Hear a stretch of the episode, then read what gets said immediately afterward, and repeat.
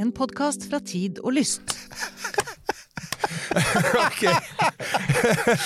Jeg sa i stad, men det hørte dere ikke fordi jeg glemte å trykke på rekord. Men nå nå har jeg trykka på rekord, så da er vi i gang. Three, two, one. two, three, four, five, five, four, three, two, one. Okay, we checked all four systems, and there you go on modulation, all four, and keying with a go. Jeg sa at dette kommer til å bli en veldig interessant episode av Romkapsel av uh, mange grunner. Fordi det skjer altså tydeligvis noe helt magisk i det to, og jeg sier dette med all mulig kjærlighet, nerder møtes. Det er en, en slags sånn kjedereaksjon uh, som, som starter da, hvor kakla begynner å gå med en eneste gang. Og kanskje det også er litt sånn forløsende, for endelig så har vi fått en gjest som vi har hatt på lista lenge, Eirik. Ja, vi har det. Altså, vi har jo eh, ønsket å, å få eh, altså det, Da vi startet podkasten, så skrev vi sånn liste over sånn ønskegjester, og, og, og, og Sunniva Rose Er det sant? Ja, ja, Sunniva. Det er faktisk Oi, ikke tull, altså. Faktisk ikke tull. Ja, nei, men det, er altså, det, og det handler, om, det handler om to ting. Det ene handler om at, at, at vi, altså, vi veit at du er en rått god formidler, som jeg kaller det. Du kaller deg selv hva for noe? Jeg kaller meg for vitenskaps- og teknologitolk. Det er det jeg ja, Og det er det du jobber som nå, ikke sant? Ja, det er det jeg gjør. Mm. Så jeg er ikke på universitetet lenger. Jeg har holdt på for meg selv i to år Kan, nå. kan dere slutte å si det til oss, folkens? For at jeg får den også. Hvordan går det på universitetet, Eirik? Ikke på universitetet. Vi er utafor. Ja. Og Ja, formidler, fortolker. Ja, eh, så hadde vært, altså, Vi skulle gjerne gjort det gjennom universitetet, men det er ikke helt Fint med fastlønn, det er ikke det, men det, altså, det er veldig deilig med fastlønn, men, eh, men eh, du og jeg, dette gjør vi faktisk helt og det skal være altså, klapp på skulderen til oss som faktisk Vi klapper oss på skulderen, så dere som ser oss på YouTube, skulderen. ser nå to nerder som klapper seg selv på skuldrene. Så klapper oss på det er mye sykt denne romkapselen. Ja. bare si også eh, Marikken, eh, som har skrevet det på Facebook-sida vår, og etterspurt, håper Sunniva Rose blir gjest snart. Hun er så utrolig smart og kul. Og nå er hun her, eh, Marikken. Og, Eh, Og vi leverer. Jeg er litt fornøyd med det. Ja, vi hører på dere. ja, men vi, det vet jo våre lyttere, at vi lytter Ja. og hører. Ja. eh, og leser og svarer. vi, Eh, ja. Og så har du nettopp Altså, ja. Når dette sendes, boka di er ute. Ja! Du har skrevet bok Ja! med liksom korona og baby og alt sammen. Yes! Så det er, sånn funker du. Ja, sånn funker jeg, men det, det ble en slags sånn utløsende altså, eller, altså, Jeg hadde det så jævlig i svangerskapet at verken kropp eller hode fungerte i det hele tatt. Og de som, de som har fulgt min blogg, da, som kanskje noen har gjort, har jo sett at det er veldig lenge siden jeg har blogget. Det er nesten et år siden. Og det var egentlig fordi at i fjor høst så var ingenting fungerte. Eh, og så kom baby, og så, etter at jeg begynte å komme meg, sånn cirka rundt rett før korona-lockdown, da eh, begynte jeg faktisk å føle meg som meg selv igjen, og så kom lockdown, og så eh, kom mannen min på hjemmekontor. Da var vi liksom en slags enhet, og det gjorde at jeg faktisk da plutselig fikk til å begynne å skrive. Eh, så, så jeg har en veldig positiv erfaring med, med den situasjonen der. Og nå er da boken 'Vi er stjernestøv' ute. Vi er stjernestøv er altså en, på sett og vis en koronababy. Den- Ja, det er på det sett og vis en koronababy, Det er det, og det kommer både litterære og uh, fysiske koronababyer. Ja. Ganske mange, har jeg Ja. følelse av. Fremover. Men, uh, og vi skal legge inn en liten lenke til den i våre shownotes. Vi legger Ja. alltid ut, altså vi har jo en ny praksis nå med at det vi snakker om, det kommer vi faktisk til å legge litt lenker til, sånn at dere kan sjekke det opp og ettergå det, og også se bilder av ting hvis vi snakker om ting som ikke fordi dette er hovedsakelig podkast, selv om vi også er på YouTube. Så uh, altså, vi må jo si altså vi er jo altså, Så den ene grunnen er at du er en god formidler. Den andre er jo det at verdensrommet Hallo. Verdensrommet er stort sett tomt og stråling. Det er det det er. Det er, jo det, det er vakuum, og så er det partikler, og så er det litt stjerner og en, annen- en og annen galakse, og en uhyre sjelden en planet. Ja. Ikke sant? Ja. Så, så liksom kan si stråling, uh, atomer uh, og, og faktisk også atomkraft er helt sentralt i Mm. all romfart. Det er bare at det har vært veldig lite snakket om det. Så det tenkte vi også, det var også en grunn til at jeg tenkte vi trenger noen til å snakke om all den atomkraften som faktisk allerede brukes, men som også må brukes hvis vi skal videre her. For jeg, Mm. jeg synes et, et poeng her er jo uh, jeg, For meg så var det sånn Altså, Vi som bor på jorda, vi er omgitt av energikilder. Ja. Eh, Nå ser vi ut av vinduet, så ser vi sol. Ja. Fin energikilde. Vi ser på et tre, det kan vi brenne, ikke sant? Ja. Eh, Det er, altså, vi har vann, vi har bølge, masse fossile energikilder, Mm. tidevann, jordvarme. Så kommer vi ut i verdensrommet. Det er energi liksom overalt. Det er overalt, Ja, ja. og vi er så rike på det, og vi Ja. tenker ikke på det. Nei. Så skal vi ut i verdensrommet, og det oppdaget man så snart man begynte å sende opp eh, og romkapsler og satellitter på 50-tallet. shit! Det er nesten ingenting! Ja, hvor får man energien fra verdensrommet? Det er sol, og så er det atomkraft. Ja. Men, det men som du har påpekt, at eh, men solen blir jo altså Jo lenger utvekt du kommer fra solen, desto dårligere fungerer, fungerer den. Så selv, selv hvis du skal til Mars, som, eh, så er du vel ned på ca. en halvering av effekten? Ja, stemmer det. Ja. Solceller er bare 40 på, e- så effektivt på Mars. Ja. Kan, kan jeg også få lov til å si noe da? For at det Ja. som faktisk var eh, som over, Det kom jeg på nå, som overraska meg, og jeg har jo aldri tenkt over det, selvfølgelig, men at f.eks. Voyager-sonden har, et, eh, har sånn en atomreaktor, eller et, atombatteri, kall det hva du vil, og at det også er på, på Perseverance, som vi har uh, snakka om. Og så slo det meg at jøss! Det har jeg aldri tenkt. Det var litt sånn sjokkerende for meg når du fortalte det, Erik, at her er det jo, her er det jo eh, atomkraft. Ja. For det, som jeg tenkte, ja ja, men de har vel sikkert et fint batteri. Eh, og så, jøss, er det mulig å lage de så små, da? Jeg, ble, jeg ble oppriktig sånn wow! Her kommer vi jo til første lille sånn ting som atomkraft, uh, Sunniva. Det kan være kompakt. Ja, det kan det. Og, men, men jeg vil si um, Jeg vet ikke om det på en måte er det korrekte, men jeg likte atombatteri en, bedre enn atomreaktor når det er snakk om Ja. de tingene man bruker, sånn som, som Voyager bruker. Fordi det, det er jo et batteri eh, som, som bruker da eller, Altså, man lager strøm fra varmen, er det vel, som Ja, kommer det, når det, skal vi si, det fulle navnet her, RTG forkortes det fordi at det fulle navnet er Radio Isotope Thermoelectric Generator. Nettopp. Så kan vi starte med radioisotop. Hva er en radioisotop? Det har ikke, ikke med en P3 å gjøre, ikke sant? Radio. Nei, nei, nei, nei, nei, så det, en, en, en, ja, P3, ja, P3, ja. Nei, en radioisotop, det er jo da en, eh, en isotop, altså en utgave av, eh, av et eh, stoff som er radioaktivt. Du skriver mye om isotoper i boka di. Skriver Isotoper er superviktige. Ja, men så jeg prøver også å forklare det, for det er ikke alle Det kan godt være alle deres lyttere da vet hva isotoper er, men det er ganske mange. Jeg vet ikke det. Nei, nemlig. Han skal Det- lese boka, jeg skal sørge for det. Ja. Eh, Så en isotop er da Får vi signert eksemplar? Jeg skal ikke avbryte deg mer. Selvfølgelig får Takk! Selvfølgelig Takk. får det. Nå skal du få snakke videre. Ja. Um, nei, altså alle grunnstoffer, alle stoffer, kommer i forskjellige utgaver, dvs. Si forskjellige isotoper.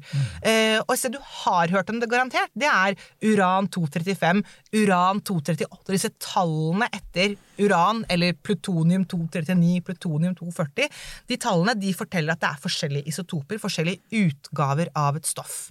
Eh, eller en annen ting som du antageligvis også har hørt om, er da karbon-14. For du har hørt karbon- karbon-14-datering. Ja, ikke sant? Der har vi det. Eh, og da er det karbon-14. Det er en radioisotop. En radioaktiv utgave, en radioaktiv isotop av karbon. Mens det aller meste karbon i kroppen vår er eh, ikke-radioaktivt karbon-12. Så begge, og begge deler da er karbon. Karbon-12, karbon-14. Kjemisk oppfører de seg likt, men den ene, karbon-14, sender ut stråling, mens den andre, karbon-12, gjør det ikke. Radioisotoper de er de som sender ut stråling. Så der har vi det. Så da har vi altså en radioisotop som det, I dette tilfellet så er det altså plutonium-238, som NASA liker å bruke. Den liker de å bruke. Og, og de liker å bruke den blant annet fordi uh, den, har ikke en, altså, den har ikke en veldig lang halveringstid. Ja, først, Skal vi ta dem? Ja. bare Ja, si, nå, nå fortalte jeg bare hva en radioisotop er, men tilbake til måte, hva er denne RTG-en? Fordi jeg sa at nei, men det er ikke en reaktor. Eller det kan godt at Kanskje det er det det kalles, men jeg, i mitt hode da, så er reaktor det er en, Jeg tror det de ofte ofte kaller den for batteri. Ja, ikke Ja. sant? Fordi det er et batteri man lager her. Man bruker som sagt varmen. og det er ikke da, Her skjer det ikke en sånn kjernespalting som skjer i et kjernekraftverk. Det som skjer her, er at man bruker nettopp det at, eh, at f.eks. plutonium-238, som du sa, som NASA liker å bruke, den sender ut sin stråling. Den sender ut en alfapartikkel. Eh, og når noe som er radioaktivt sender ut stråling, så, produ så, så produseres det også noe varme. Og den lille varmen, det er ikke så mye, men det er nok da til å, da, til å generere elektrisitet. Eh, og da må jeg bare si, fordi at at, at stoffer som er radioaktive, så lenge de er radioaktive, så produserer de også varme. Og det er jo noe av det som Nå drar jeg inn noe annet her, men, men, men det er det som også er utfordringen i eh, et kjernekraftverk. Sånn, selv hvis du har skrudd en reaktor helt av Nå kommer jeg igjen på Fukushima-ulykken som skjedde i 2011. Selv om du har skudd reaktoren helt av, så vil du alltid ha det brukte brenselet. Det brukte brenselet det er radioaktivt, og derfor fortsetter å produsere Mm. varme også etterpå. Eh, så ting som er radioaktive, det produserer varme. Selv om det er veldig mye mindre varme enn det som skjer når du har en kjernespalting. Ja. Ok, så, så det vil si at hvis du da har plutonium Yes, 238 tilbake til disse RTG-ene. ja. Ja. Så hvis jeg hadde holdt det i hånda, ikke å anbefale antageligvis, men hvis jeg hadde den vært varm da, hadde jeg kjent at den var varm?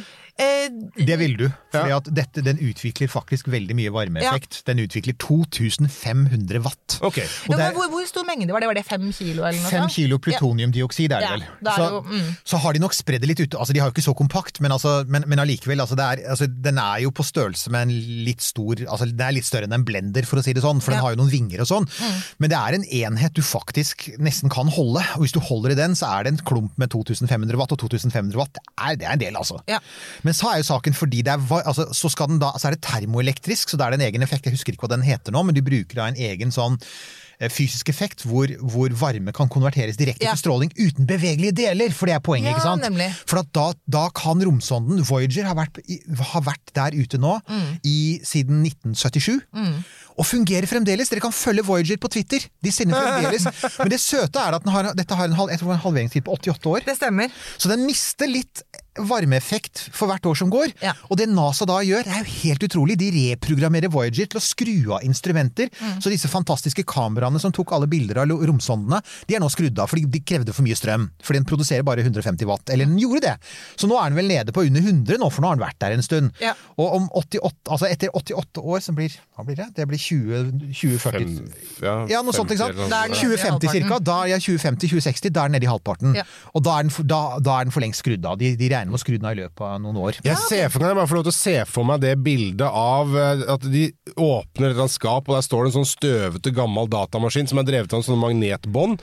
Ja, og så sitter det en eller annen sånn eh, 28 ja, 28-åring som er ferdig på MIT som Ja, nå må du programmere, nå må du programmere Voyager.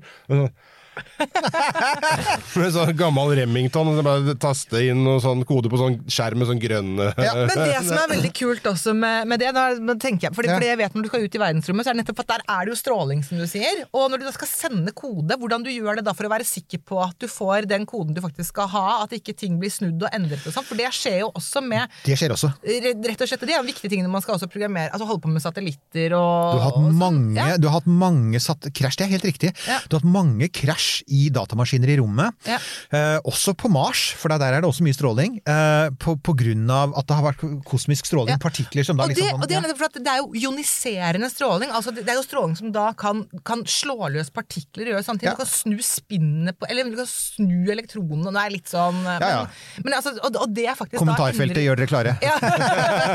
ok, kommer tilbake. Men, men, men, men vi må bare snakke mer om, om plutonium eh, Ja. 238, som er da denne mm, For du sa det, dere sa det, det er den som NASA Ja, liker å bruke. Og du har sagt at den har jo en halveringstid på 88 år. det var ja. Eh, og, og da så kommer vi inn på et spørsmål som jeg ofte får. Sånn, ja, men Hva er lang halveringstid? Hva er kort halveringstid? Ja. Og halveringstiden på stoffer den varierer jo fra, liksom, fra mikrosekunder og mindre enn det, til da altså uran 238, ikke plutonium 238, men uran 238, som en halveringstid på 4,5 milliarder år. ikke sant? Så lang og kort, det er ganske sånn relative begreper her. Og den bruker faktisk uran 238, bruker, den liker astronomer å bruke til å datere alderen på meteoritter og slike ting. Man sier, ja, hvordan vet du at den steinen fra månen er den eldste steinen på månen? Da bruker Jo. du faktisk, nemlig, for da du veit, du vet når uranet ble dannet, fordi at det ble dannet da solsystemet ble dannet, og så vet du, kjenner du halveringstiden, og da kan du regne deg bakover. Så folkens, skjønner dere nå? Det handler ikke bare om kjernekraftverk, det handler om alt vi vet om solsystemet. Ja. Når vi vet at solsystemet er x antall milliarder år gammelt, vi kan regne oss fram til, det var en jeg tror det var en astronom som regnet seg ut at solsystemet er 4,58 milliarder. og Sånn. What? Åssen veit du det, da? Uran 238, folkens. Ja, ja, for den har jo da en halveringstid på 4,5 milliarder. eh, Perfekt til det. For Ja. de som da har en halveringstid på 88 år, er ikke, den er jo da Nei. Og så kan man si, men 88 år, det er jo da det er jo på en måte veldig passe lang halveringstid til dette bruket her. fordi du vil jo nettopp bruke det til å lage en sånn RTG, lever, et batteri, så hvor du skal da på en lang reise. Du skal, du skal holde på i mange tiår utover Mm. i verdensrommet. Og da må du ha noe som har type den halveringstiden. Men det er ikke bare det, du må jo også da ha noe som faktisk For du har sagt at ja, den kjenner du faktisk er varm. Men det er mange andre ting som er radioaktive, som som du ikke ville kjenne er varme, for det kommer også an på da at de faktisk At det er nok energi Ja. i da de partiklene som slippes ut, og så. Og så er det en tredje ting som er viktig også for å, for å kunne bruke, som, som plutonium-238 er fint på, og det er at det er Den er lett å hva sier man? Shield sier man på engelsk. Man sier skjerme, Skjerme, skjerme, ja. sier vi på norsk. Den er lett å skjerme rundt, så at du ikke får, da, altså at ikke får masse stråling som fyker ut overalt. Så det er lite eller ingen gammastråling. Eh, og, da det, og det er ikke bare plutonium-238 som kan brukes.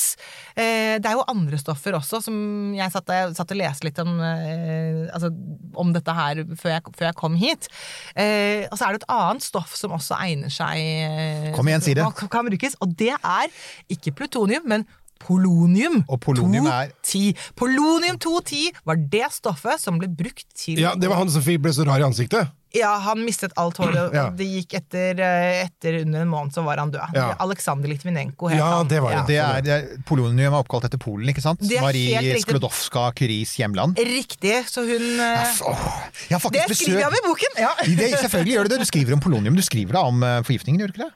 Jeg skriver om forgiftningene. Ja, du gjør det. som- For det, er, det, er jo, det er jo litt av en historie. Og det er jo som Ja. du sier, det er jo uh, Vet ikke hvor mye detalj vi klarer å gå i dem. Vi, du må dessuten spare litt av godbitene. Ja, det må Dette ja. må dere lese, folkens. For at historien om hvordan, hvorfor polonium er så awesome til å forgifte folk, dessverre, men det er jo det, Ja. den, den, den får dere der. Så igjen Men jeg kan, men jeg kan si Å, nå det. ble jeg så nysgjerrig! Men- jeg Si litt, da! Si fort! Ja. Altså, men det, jeg kan For vi må si videre. Vi skal til mer det, det jeg kan si, er at det, det som de, de, Nå sa jeg det! Unnskyld, jeg sa vi må videre. Vi må ikke det! Det er podkast! Snakk! Ja. Det som gjør at polonium-210 funker så utmerket til, Mm. eller funket veldig godt til å ta livet av Aleksandr Litvinenko, eh, er også det som gjør at det ville funket også egnet seg godt som, uh, i en sånn, som, altså, som en radiosotop til en sånn RTG. For det var, jeg vet at så snart folk sier plutonium, så blir, så blir folk vettskremte. Det er Ja. masse angst for radioaktive materialer der ute. Så uran og plutonium Jeg vet jo at det har vært protester mot NASA, for, for plutonium-238 er jo noe som faktisk må produseres. ikke sant? Plutonium kan du ikke gå og finne i naturen, kan du vel? Nei, plutonium produseres fra uran. Ja. Så det er, altså, et- det er, det er ikke kunstig, for det finnes jo i naturen. Det er jo faktisk en atomkonstellasjon, men, men poenget er at det må produseres. Så det var jo en periode hvor folk var så redde for plutonium, fordi plutonium blir jo sett på som veldig giftig, ikke sant? Ja, men hvis du kan se på faktisk sånn gram for gram, så er det ja, Jeg kan si mye om, eh, om plutonium på en måte hvor giftig det egentlig, egentlig er, men det er veldig mye om vi skal se på gram for gram. Så, Du vet at du må komme tilbake i denne ja, så er faktisk eh, koffein er giftigere enn eh, plutonium. gram for gram er giftigere enn plutonium. Folkens! Hva var det dere protesterte mot? For det var, jeg husker det var sånn, sånn Ikke skyte opp det var, Jeg lurer på om det var Cassini-sonden. Hvor det var en periode var så mye motstand at man liksom sa jeg får NASA i det hele tatt lov. For at dette er et viktig poeng, og det er at atomreaktorer må jo være såkalt spaceworthy. Ja. Det vil si at ikke egentlig ute i verdensrommet, for når du er der ute, kan du stråle så mye du bare vil, for det er et strålemiljø. Ja. Så om det om, om en, om Har en ingenting å si. har ingenting å si. Det er et veldig Det er så lite at det, det påvirker det ingenting. i det som de svarte hull i galaksen Ja. og alle de eksploderende stjernene sender ut. Men den korte turen, de, der, i de 10-15 minutter du er på vei opp gjennom atmosfæren, så kan det jo skje noe med raketten. Mm. Ja. Og da må den tåle at Ja. raketten eksploderer, og at Ja. den faller ned igjen. Ja. Den må tåle gjeninntreden i atmosfæren i tilfelle den liksom er Ja. Mm. på vei tilbake. Så spaceworthy er utrolig viktig. Den skal både tåle vektløshet og en rakettferd. Og da sa man ja, men hva om Cassini eksploderer? Blir ikke hele jorden for, forgiftet med plutonium? Og NASA forsøkte fortvilt å si nei! Nei! Nei! Men jeg, da må jeg også si en ting om plutonium. fordi eh, plutonium-238 og den type batterier brukes jo ikke bare ute i verdensrommet. Oi. Det eh, har også vært brukt til å lage pacemakere. Oi, wow! Nettopp. Fordi, fordi da, da også vil du ha en pacemaker Jeg bare lener meg tilbake igjen. Dette er så interessant. Ja, ja, okay. Hvis du har en pacemaker, så har du heller ikke lyst til å måtte liksom Men du, hvert femte år så må vi faktisk operere hjertet ditt eh, og skifte batteri. Ja, nemlig. Du vil også da ha noe som varer fra du fikk den og til du dør. Um, så, så det også sier noe, noe om de der evnene til eh, plutonium-238. At den må produsere på en måte, det må være nok energi i da den radioaktiviteten til Halveringstid på 88 år, menneskeliv. Hallo! Ja? Voyager er omtrent samme faktisk levetid Ja. som et menneskeliv. Men det forteller også da om hvor godt eh, strålingen fra plutonium-238 kan la seg da skjerme, hvor lett det egentlig er å skjerme den strålingen. Ja. Fordi at du skal jo ikke da på en måte bli bestrålt i resten av kroppen din. Men Eh, men det har man også sluttet, eh, sluttet med, fordi at eh, man kunne ikke da Da måtte man kunne garantere for at da folk ikke ble kremert. Eh, så, men eh, Men det gjelder jo diverse tungmetaller, og det har jo ikke vært altså, til og med batterier, ikke sant? Definitivt, det gjelder. Og- Og det er akkurat det Mener du har lest i boken din at tungmetaller er verre enn radioaktive stoffer, er det ikke egentlig det? For at de aldri slutter å være tungmetaller, mens radioaktive stoffer faktisk slutter å være radioaktive? Det gjør de. De slutter å være radioaktive. Så, så det er også noe når man tar ut brukt brensel av et, av et kjernekraftverk, så er jo de veldig radioaktive idet du tar dem ut av reaktoren. Men det er ikke altså, og, og her så jeg, for jeg var innom Wikipedia, og da ser jeg noen eh, kaller det for høyaktivt avfall. Men et brukt brensel er ikke avfall i det når vi snakker om sånn at det er det som må lagres osv.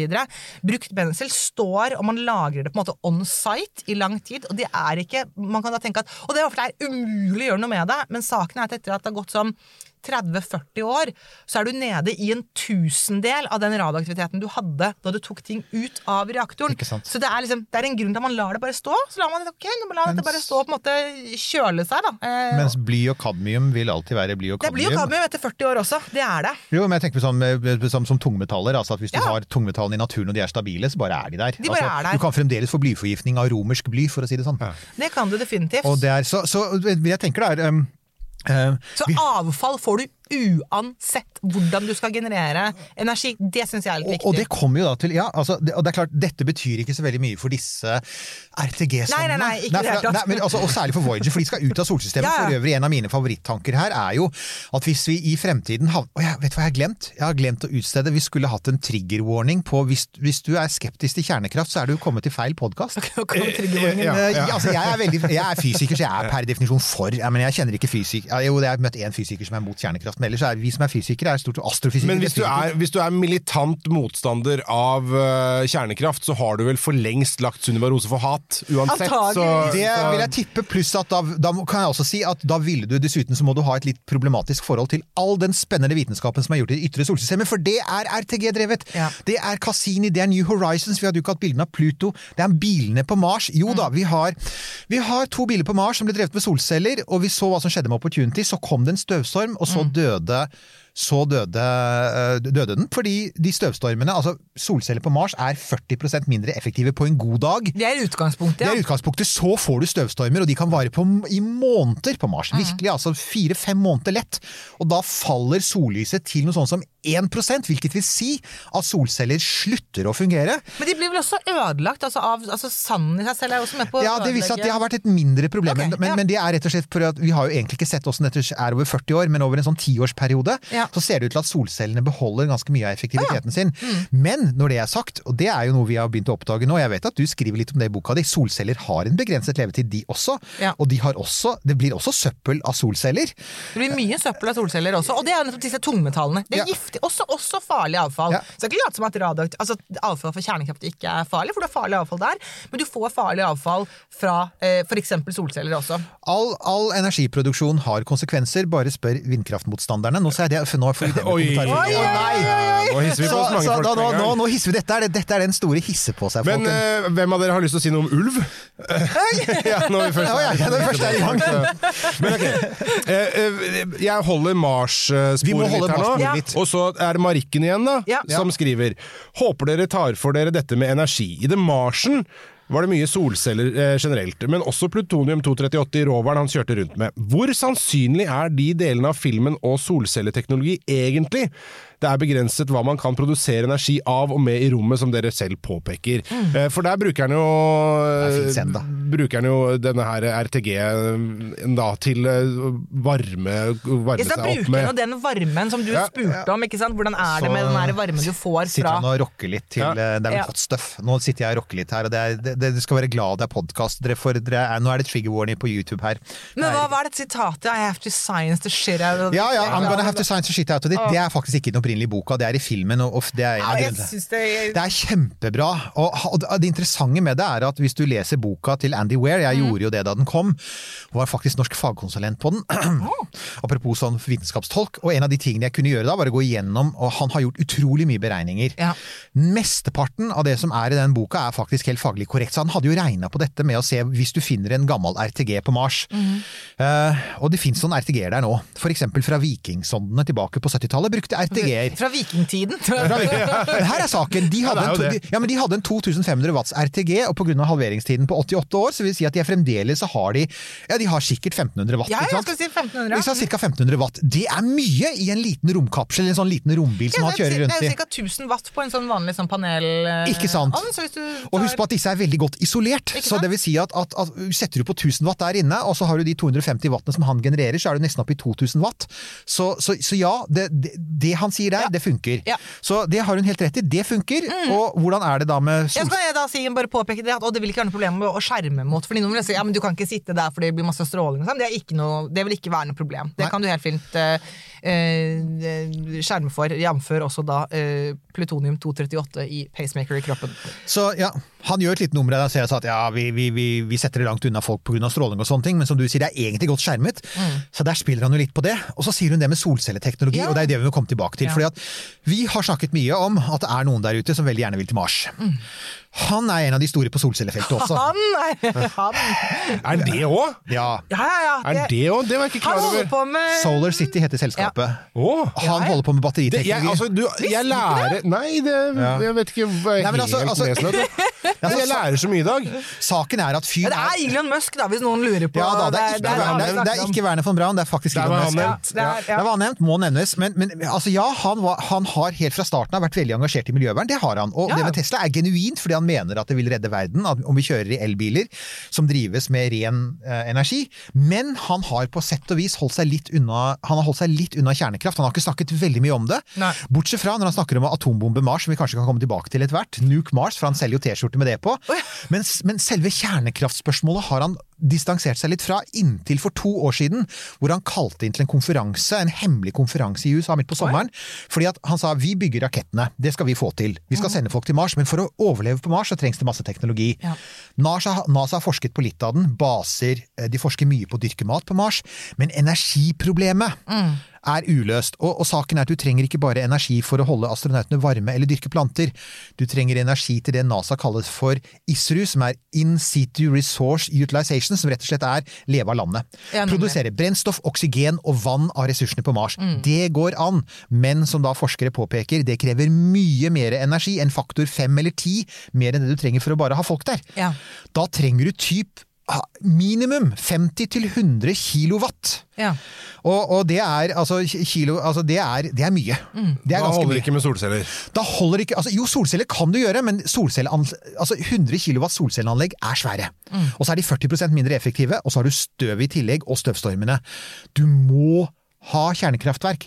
Må du ikke det, Synnøve? Det er, det er lissepasning, men du må da det. For da- du har jo ikke noe annet! Altså det, det, som, det som jo er genialt med, uh, med kjernekraft og ting som er radioaktive, og det å utnytte den energien i, i atomkjernen, er at den, den er jo akkurat den samme uansett hvor, hvor du er. Nemlig! Den, og den, er, så den, den påvirkes ikke at du er, har en annen avstand til, til solen. Eh, den påvirkes ikke av, uh, av natt eller dag, den påvirkes ikke av snø eller sand eller noen av disse tingene her. Den er, den er den samme uan, uansett. Eh, så sånn sett så er jo da det å utnytte energien i atomkjernene genial for den type bruk. Ja. For har du det med deg, så, så kan du bruke det på en måte uansett hvor du er. Du, du må rett og slett ha det. Og her Ja. kommer vi til en ting som du er litt inne på i, i boka di også, som er liksom rundt det politiske rundt det. Som jo er at NASA har forsket veldig mye på kjernekraft i bruk, til bruk i rommet til- på 50-60-tallet. Vi kommer, mm. skal komme tilbake til en kjernekraftmotor etter hvert, som var veldig viktig, men de forsket også på kraftverk. Så skjedde Three Mile Island-ulykken. Ja. Uh, Harrisburg, var det ikke det? Pennsylvania. Jo, det stemmer. Og det var en nestenulykke. Ja. Det, altså det, Eller, altså, det, det var, jeg, jeg, eller hva var det? Ja, Jeg bare lener meg tilbake. Ja. Eh, nei, altså Og da kan du si på en måte, hva, hva, definer, Hvor definerer vi da som lekfolk en ulykke? Ja, nemlig. Ikke sant? For det var, Fordi, det var da ikke noe Var det utslipp? Jeg husker ikke. eh, det, var, det var noe utslipp men ingen eh, Det var veldig Det var meget, meget eller, Nå er jeg faktisk usikker på om det var utslipp utenfor kraftverket. Nå tør jeg ikke svare på engang. Det har ikke vært noe altså, dødsfall eller på en måte noe andre problemer. Det var ikke Tsjernobyl. Det var definitivt ikke, ikke Tsjernobyl, men det som skjedde på en måte, så, så det jeg vil kalle det som som da som kjernefysiker, er at det var vel en, en såkalt eh, en, eh, en LOFA, som er en loss of flow accident.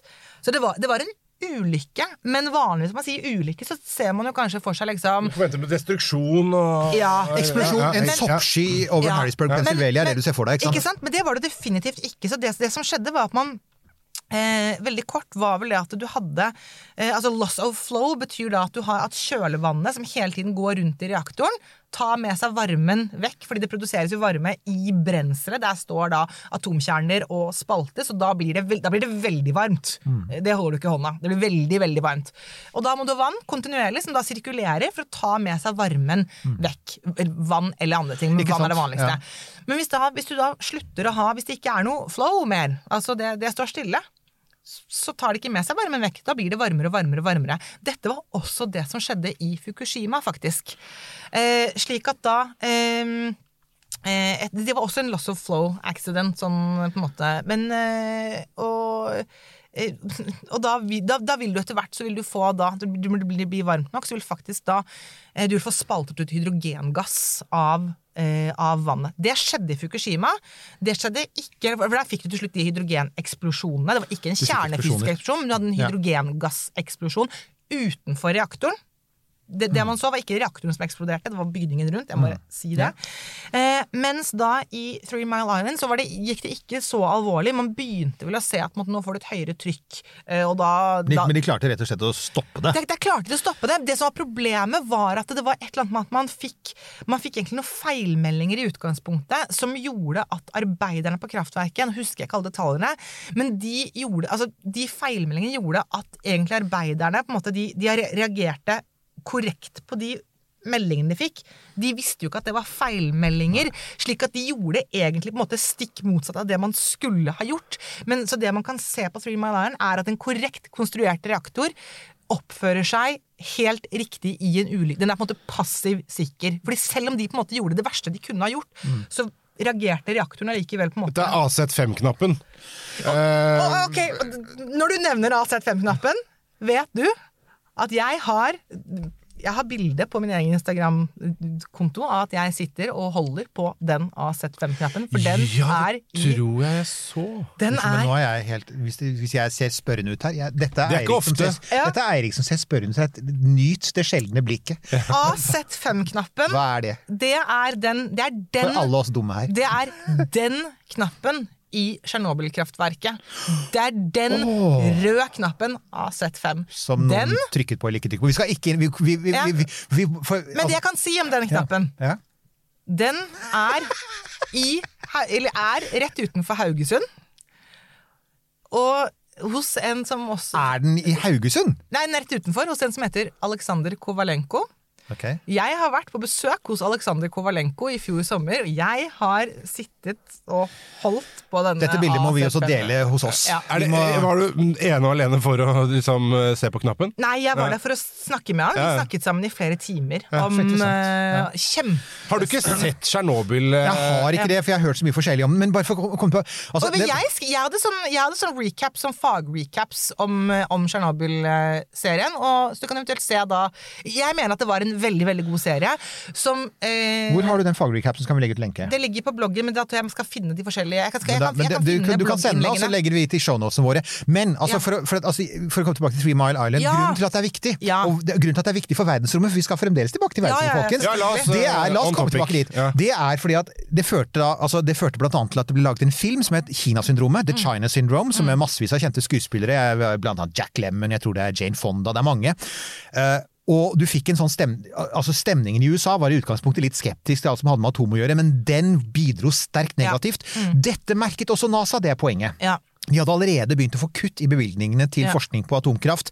Men etter det så stoppet det, og dette har jeg hørt fra en av de som forsket på det. Han holdt et Ja. foredrag om dette for et par år siden. Han sier etter 1976 så tørker bevilgningene inn, og det gjør at RTG-ene som brukes i dag er 60-tallsteknologi. Ja. Og det har også gjort at all annen utvikling av f.eks. atomdrevne rakettmotorer, eh, atomkraftverk, spaceworthy atomkraftverk som ikke er radiotermiske, men som er basert på den typen du har stående på jorda, og som er mer effektive. For at altså, RTG-er er, er kule, men de har en effektivitet på 8 Ja. det, er litt, det er ikke helt bra. Nei, og så kan vi kan jo si, altså Folkens, Ja. eh, hvis vi tenker all mulig annen teknologi, om det er fly eller Ja. biler eller hva nå enn Hvis vi går tilbake til 60-tallet det har skjedd en del Det har disse skjedd- tingene der. det har skjedd en del. Det, er, det er ikke feil, og man er ikke dum. Man gjør den antagelsen at hadde man latt ting få lov til å utvikle seg også innenfor det, det teknologiområdet, så ville det ha skjedd ting. Jeg prøvde å finne bildet. Og gudskjelov! Men, men altså, kan jeg bare Ja. eh, Nå skal jeg styre litt av gårde her Ja. igjen, for at vi kommer Vi må inn i- Riktignok har vi god tid i podkasten vår, men Vi må opp i verdensrommet snart. Vi må opp i Men bare helt kort, prøv Ja. å svare kort. Eh, hvis, eh, og dette her nå kommer jeg til å sette fyr på et eller annet inni deg, jeg er ganske sikker på. Eh, hvis man ikke hadde hatt denne eh, skepsisen, som du mener er ganske overdrevet og unødvendig, Mm. eh, hvor tror du eh, vi på en måte ville ha vært eh, når det kommer til eh, å, å utvikle måter å hente energi med bruk av atomkraft? Det syns jeg, jeg er veldig veldig vanskelig å svare på. Så jeg, jeg tror jeg bare sier det at eh, vi har, vi har mistet mange tiår med teknologiutvikling. Og når vi ser hvis, vi bare, hvis vi heller bare gjør den øvelsen og tenker gå bare ti år tilbake og se hvor mye som har skjedd innen bare generelt teknologi som vi ikke hadde, eller bare så vidt hadde for ti år siden. Ja, bare det har skjedd veldig ja. masse. Se hvor mye bedre solceller er blitt. De er blitt mye mer effektive. Se hvor mye bedre elbiler er blitt. si Alt som er med ja. batterier. Alt som produserer energi, bortsett fra fossil. Det er fremdeles bare det. Ineffektivt og skadelig. Men altså, stort sett så er alt der ute som også har med energi å gjøre, blitt bedre. Men som sagt, NASA la mer eller mindre ned forskningen sin. I løpet av de siste fem årene så har det kommet en sånn slags forståelse i NASA av at hvis vi har tenkt å sende folk til Mars, så kan vi faktisk ikke sende bare solceller og batterier, for da dør de. Ja. Bottom line. Ja. Da risikerer vi at det kommer en støvstorm, og da er de døde. er det, okay, så er det så rart, så, fordi er- der er vi igjen tilbake til måte den eh, ske, Man skal være skeptisk til altså Man skal ta, man skal ta alt mulig avfall, Ja. industriavfall som man lager. Det skal man ta alvorlig, det må man ta, ta svare på. Men altså, hvis det er greit å sende da solceller og tungmetaller og putte det der oppe, hvor, hvorfor er det greit? da? Hvorfor er det greit å på en måte skulle ha masse av disse, som er også livsfarlige? altså liksom, som også Mars er full av jordiske solceller og kanskje til og med noen bakterier vi har sendt av gårde. Ja. Så, så ja, nei, så det interessante her er jo at nå er, jo, nå er det noe i gang. Og, og, og jeg var altså som sagt på et foredrag med en forsker som, som først beklaget seg over hvor mange tiår de hadde mistet, som du sier. Og sa vi kunne hatt kompakte småreaktorer som også hadde vært nyttige på jorda. For det hadde for eksempel, som han sier, vi kunne hatt reaktorer som, som var transportable f.eks. med en, en lastebil. Kjøres, og, og hvis det da er et område som har hatt en katastrofe, hvor strømmen er gått, så kunne du på en måte bare plassere dem der og, og fyre dem opp. Det kunne vi ha gjort. Altså, Kunne vi kanskje flydd dem inn med droner, til og med? kunne fly dem inn med droner. Det som skal skje, da, det er altså noe som heter Det er et prosjekt som heter Kilopower. Kilo Power. Vi skal legge ut Ja. en lenke til det. Det er et prosjekt som har foregått de siste fem-ti årene. Startet som et uavhengig universitetsprosjekt. Nå har de fått penger fra NASA, og de har fungerende prototyper. Og som navnet antyder, Kilopower Kilo Power, de skal produsere ca. 10 kilowatt med energi, og det tror jeg er, altså det er, det er i seg selv nok til å drive en Mars-base. Men man trenger en faktor 5 til 10 mer enn det for å begynne å produsere brennstoff på Mars. Ja. Så det man tenker seg er noe sånn Når som du sier brennstoff, hva mener du? Da? Nei, da mener jeg metanbrennstoff Ja, okay, til ja, rakettene. For. Elon Musk, Sånn, for eksempel, hans planer om Mars baserer seg på at du skal lande et stor rakett på Mars, og så skal du produsere brennstoffet til tilbaketuren på Mars. Kjemisk sett så er det relativt greit å gjøre. Prosessen er De skal faktisk Perseverance har med seg testutstyret nå. Eh, De, de skal ha med seg lite, en, sånn, eh, en liten sånn eh, kjemisk fabrikk som skal produsere litt oksygen Mm. og litt vann på Mars, og da er du halvveis til metan. Så det er liksom sånn, så det er de i gang med. Så, te, så, så rent kjemisk så har de koll på det. Mm. Ja. Det, det er energien som har vært vanskelig. Ja. Så du må ha disse kraftverkene, og de ser altså Kilopower ser ut som en paraply. Det er litt interessant. Det er sånn, du har uh, uran, jeg tror det er uran 235, tror jeg, eh, som er varmekilden. Og så bruker du natrium som kjølevæske. Og så frakter, så har du uranet nederst, og så stiger natriumet, det flytende saltet Nei, ja, heter tar natrium? Sodium, ja. Det Ja, det, ja, det er natrium, Og da smelter et natrium som, som stiger oppover pga. varmen, og så, så konverteres det til strøm via noe som heter en Stirling-motor. Ja. Som er en sånn varmevekslemotor. Gammel teknologi, men veldig pålitelig. Det betyr at den kan drives i Det er forventet å ha en levetid på i hvert fall 10-12 år. Og så har du en svær parasoll på toppen som skal stråle ut restvarmen, fordi at cirka, effektiviteten er ca. 25% og resten er restvarme. Så det de, Poenget er at de skal lage en slags paraply som du kan folde sammen, og så kan du bare plante det ut på Mars. Og så jo flere du trenger, jo, jo mer strøm du trenger, jo flere tar du med. Ja. Genialt! Hvorfor har vi ikke gjort dette for lenge siden? det var bare det jeg ville si. Og si at, folkens, vi er på vei. Og det var Ja. det som Elon Musk gjorde for et par år siden når han inviterte folk til denne hemmelige konferansen. For han sa at det, det forskere som hadde kommet ut av den sa, det var litt sånn, de kunne ikke si alt. Da måtte de drepe oss. Og det vel, hvis du sier det på Twitter, så må du drepe noen hundre millioner mennesker, så det blir litt slitsomt. Men altså, så, så det de sa da var uh, uh, ja. Nå tas det på alvor, det må gjøres noe med det. Det må gjøres noe med kjernekraft. Men det er litt vanskelig for Elon Musk å gå ut og si 'jeg er for kjernekraft', fordi at hans, Ja. han har et image som den Mr. Clean, ikke sant? Men det er det som er så innmari synd, fordi det han også da på en måte spiller litt oppunder, er at eh, solkraft og kjernekraft må stå i en slags som på en måte mot- Motsetning, ja. motsetning Ja. til hverandre. Og det er jo det er, det er fryktelig fryktelig synd. Og det er jo, Ja. der er jo eh, klimapanelet er jo helt Hvis vi da går bak, tilbake til jorden igjen, da, så er jo klimapanelet helt tydelig på at eh, alle de forskjellige løsningene de ser for seg, innebærer en del kjernekraft, en del fornybart, hovedsakelig da sol og vind, og karbonfangst og -lagring. Her har vi en liten sånn ironisk ting, da. At på Mars, så, altså på, på, på jorda, så er Elon Musk veldig opptatt av, og alle andre, vi andre er opptatt av å redusere utslippene av CO2. Det han ønsker seg på Mars, for å terraforme Ja. Mars, er faktisk massive utslipp av CO2. Oh, ja. Han ønsker jo, så Det beste som kunne skje på Mars, var at vi fant en gigantisk kullgruve, men det kan vi ikke finne. Det kan jeg si. Det kommer vi til å gjøre. Det er forresten en interessant ting, da. Og det er jo, det er jo altså at tross alt da, så er det sånn at altså, når du sender av gårde plutonium uh, ut i det ytre solsystemet, så er jo den, den er jo utvunnet her på jorda, eller laget her på jorda. Og et, et av spørsmålene man har stilt, er jo selvfølgelig hvis man skal basere seg på kjernekraft på Mars, da, f.eks. uran. Fins det uran på Mars? Altså, det, det er jo en steinplanet, så det bør jo altså Det er jo dannet av den samme skyen. Ja. Mm. Og jeg, jeg begynte å researche dette her litt, og det man fant ut av var at jo, eh, det er faktisk funnet spor både av uran og thorium, som er et annet bra stoff. ja, ikke sant? Det er, jeg skal ikke si for mye thorium her, for da setter du i gang med thoriumkraftverk. og Jeg, kan heller bare si at men uran er hvis du skal drive Uran er bedre, Det er bedre, i denne Ja. settingen her. Men her er saken. Det de oppdaget, da var altså det man, man lurer på, er selvfølgelig altså Når vi finner uran på jorda, så er jo den gjerne konsentrert. ikke sant? Altså en urangruve. Ja. Altså man, man, altså, og, men den er vel da ofte konsentrert hvis det har vært ved, ved et gammelt elveleie, kanskje. Jeg vet ikke, kanskje noen geologiske er- prosesser. For at det de sier er at på, på Mars så er uranet spredt utover. Ja, nemlig. Mens på jorda så kan det være så konsentrert at du har naturlige kjernereaktorer, ikke sant? Det har Det man hatt. om. Det er ja, og kult, det, da. og det syns jeg er fordi i, Nå er jo jeg også der at det, det, det er ikke et argument om ting er naturlig eller ikke. Det skal, det skriver jeg for seg oss eh, også Ja, vi tar det Men- en annen gang. Det en annen gang. Men, men allikevel, men folk er likevel veldig opptatt av at Eller mange er likevel opptatt av at liksom, ja, men kjernekraft det er noe på en måte, det er noe menneskeskapt. Man skal ikke tukle for mye med naturen, på en måte. Og da kan man jo komme med da den historien at eh, Men vet du hva? eh, man har hatt kjernekraft, kall det naturlig kjernekraftverk. Altså dette har skjedd i, ute i naturen uten menneskelig inngripen, hvis vi går langt nok tilbake i tid. Så vi må vel en sånn mellom eh, halvannen til to milliarder eh, år tilbake i tid. Husker ikke akkurat hvor lang tid, men det er det røftlig der. Da, og, da, og da skal vi til Gabon i Afrika. Der var det et område, det kalles da for Oklo-reaktoren, så der kan dere søke opp eh, selv også. Oklo. så vi kan legge eller, også. eller leseboken min, selvfølgelig. Eller leseboken. Eller leseboken min, ja. Vi Eh, er stjernestøv, folkens. ja, for da var, hvis du går så langt tilbake i tid, så var da sammensetningen av de to eh, uranisotopene uran-238 og uran-235, den var annerledes. Det var en høyere andel uran-235, og det er det som er den spaltbare isotopen, utgaven av uran.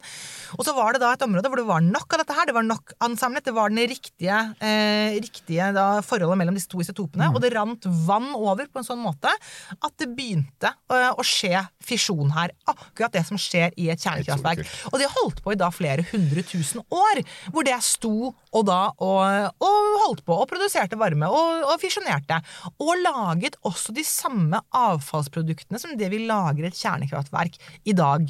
Eh, Så det, kanskje det som er mest interessant med det, er jo da å se på ok, men hvordan har da disse avfallsstoffene som ble da produsert ute i naturen i Gabon i Afrika, hvordan har de, har de på en måte migrert? Har de flyttet seg langt? Har de liksom, og det, eh, det har de ikke. Man ser vel at da de stoffene som har flyttet seg lengst, de har flyttet seg ti meter eller noe sånt. Oi. Og det er også ganske viktig når man da skal diskutere hvor vanskelig eller eh, hvor Ikke vanskelig eller ikke vanskelig det med å lagre radioaktivt avfall er. For vi har Naturen har gjort det. Vi kan se tilbake til hva skjedde i naturen da de gjorde dette her på egen hånd. Så det er ikke sånn, dette er ikke flyktige stoffer Nei. som plutselig sprer seg rundt overalt. Pluss skal vi si også at uansett så vil vi si at å lagre radioaktivt avfall, eller hva vi velger å kalle det, på, på Mars Altså Antagelig er det ikke liv der i det hele tatt. I så fall er det ekstremt lite. sånn at ja. igjen, Verdensrommet er på mange måter et perfekt sted å gjøre dette her, for at du har ikke bare masse plass, men det er jo ikke noe du kan Men har du ikke også snakka om at de skulle ta og skyte det inn i sola? Jo, du kan gjøre det, men faktisk, hvis du ser på det energimessig, det er helt sant. Hvis du, skal, du, kan, du kunne dumpe det i sola, du kan for så vidt skyte det inn i Jupiter, for at Jupiter er nesten som en liten sol inne i midten, den er kjempevarm. Og, og, og, og noen, noen kilo med menneskelig radioaktivt avfall betyr ingenting der. Eller du kan skyte den ut av solsystemet. Og faktum er at eh, det koster mindre rakettbrennstoff å bare skyte alt avfallet ut av solsystemet, enn det koster å skyte det inn i sola. det, Og det er kjempemorsomt! Og det er gøy! og, og, og, og jeg har lenge ment at hvis vi får til disse her billige rakettene, sånn, sånn Elon Musk-aktig, hvor raketter er som jumbojetter og, du kan ikke løfte sånn, sånn 300 tonn opp i rommet i året, som er det vi gjør nå med dagens dyre raketter, men hundretusenvis av tonn, så er faktisk det en glimrende måte. Og rett og slett, ja, men så dropper vi de der omstridte lagringsplassene på jorda. Vi bare sender det. Vi sender det til Jupiter eller ut av solsystemet. Og så vil folk si, ja, for den har jeg fått. Jo, men da er det jo der ute kan skade oss. Er du klar over hvor stort rommet er? Er du, og er du klar over hvor mye hvor Stråling mye der! stråling det er? Det er så- det er horribelt der ute. men det er du antageligvis ikke klar over. Nei. Fordi eh, altså, vi blir jo bombardert hele tiden av, da, av altså, kosmisk stråling, men, men det, er, det er ioniserende stråling. Det er akkurat samme greiene som også som skjer her på jordkloden. Ja, sånn, Siste lille ting med, det, med naturlige uh, reaktorer. Grunnen til at jeg nevnte det, er at det er en gruppe forskere som for noen Ja, år siden ja. De sa faktisk de trodde de hadde funnet spor etter det på Mars, og det er så kult! Det er for at det betyr betyr at det har skjedd noe rart på Mars, med Mars-geologi, som vi ennå ikke har skjønt. Så det skal jeg også legge en lenke til i shownotene. For det er weird, altså. For det burde ikke stemme, Nei. i henhold til teorien. For at det man egentlig sier, er at, at det finnes selvfølgelig radioaktivt materiale overalt i solsystemet, men det er veldig spredt utover, fordi Mhm. at mesteparten er under is, eller det er på sant, det driver omkring. Mhm. Så, men uansett, vi må, vi må ta én ting til. Og det er eh, Vi kan ikke bare lage produsere stillestående energi. Men NASA hadde et prosjekt gjennom 20 år som handlet om å bruke raketter. Ja. Som hadde en kjernereaktor til å varme opp gass. Eh, Det, prosjektet het Nerva, skal jeg også legge til en lenke til. Nerva-prosjektet. De fikk det til å funke, det var fiks ferdig. Det var opptil tre ganger mer effektivt enn, en vanlig, enn, enn de beste kjemiske rakettene vi har. Med andre ord, du kunne hente, frakte to til tre ganger så mye masse til Mars med denne raketten. Og vår venn Werner von Braun ville faktisk bruke denne raketten til å sende mennesker til Mars i 1981. Eller du kunne fly dem dobbelt så fort hvis du var bekymret for strålingen i det interplanetariske rommet. Og så ble det kansellert. Hvorfor det? Det var, I utgangspunktet så var det pga. penger, fordi at man skulle bygge romferja, men det fikk mindre og mindre penger, og så kommer Three Mile Island. Så Ja. kommer den det igjen. Jeg kan ikke få sagt hvor skadelig det var, for at etter det For teknologien var der. Nå visste vi hvordan vi kunne bygge. Her er det, det, er- det, det er to ting som er kjempekule med, med Nerva-raketten. En ting er at den er veldig effektiv. Det andre er at den, den bruker jo ikke forbrenning. Altså Den tar ikke oksygen og hydrogen og brenner det, eller oksygen og metan og brenner det. Nei, den tar rett og slett den intense varmen fra kjernereaktoren under høyt trykk, Ja. som får gassen til å utvide seg. Brennkammeret er faktisk det er rett og slett veldig varmt. Så der, Men hvilken gass? Fordi jeg er ikke så kjent med dette. hydrogen. Ja. Hydrogen er den ideelle, ideelle gassen, for den er så innmari lett. Og her er jo saken, men du kan, her er saken, du kan bruke hva du vil!